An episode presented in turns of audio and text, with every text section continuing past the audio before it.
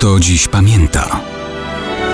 Datownik historyczny prezentuje Maciej Korkuć.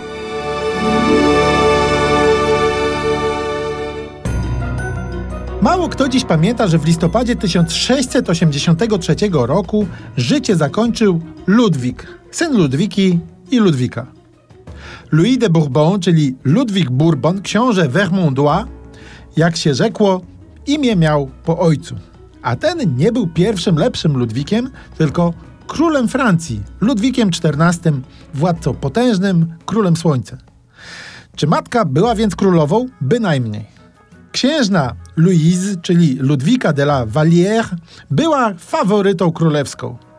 Ludwik XIV już jako dojrzały mężczyzna i król zakochał się nieprzytomnie w pięknej, 17-letniej Ludwice, nie bacząc na to, że od roku jest w legalnym związku małżeńskim z Marią Teresą, oficjalną królową Francji.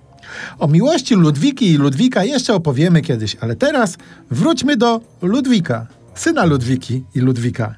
Z tą metresą Ludwik XIV miał w sumie sześcioro dzieci. Ten Ludwik, syn Ludwiki i Ludwika, nie był pierwszym Ludwikiem, synem tychże Ludwiki i Ludwika.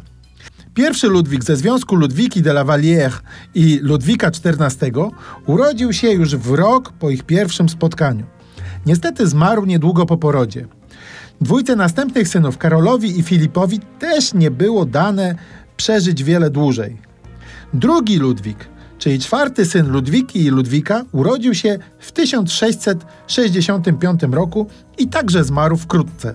Natomiast potem urodziła się Maria Anna, która uznana oficjalnie przez króla dożyła starości jako Mademoiselle de Blois. I dopiero po niej w 1667 roku świat ujrzał Ludwik, syn Ludwiki i Ludwika, brat dwóch wcześniejszych Ludwików, także synów Ludwiki i Ludwika.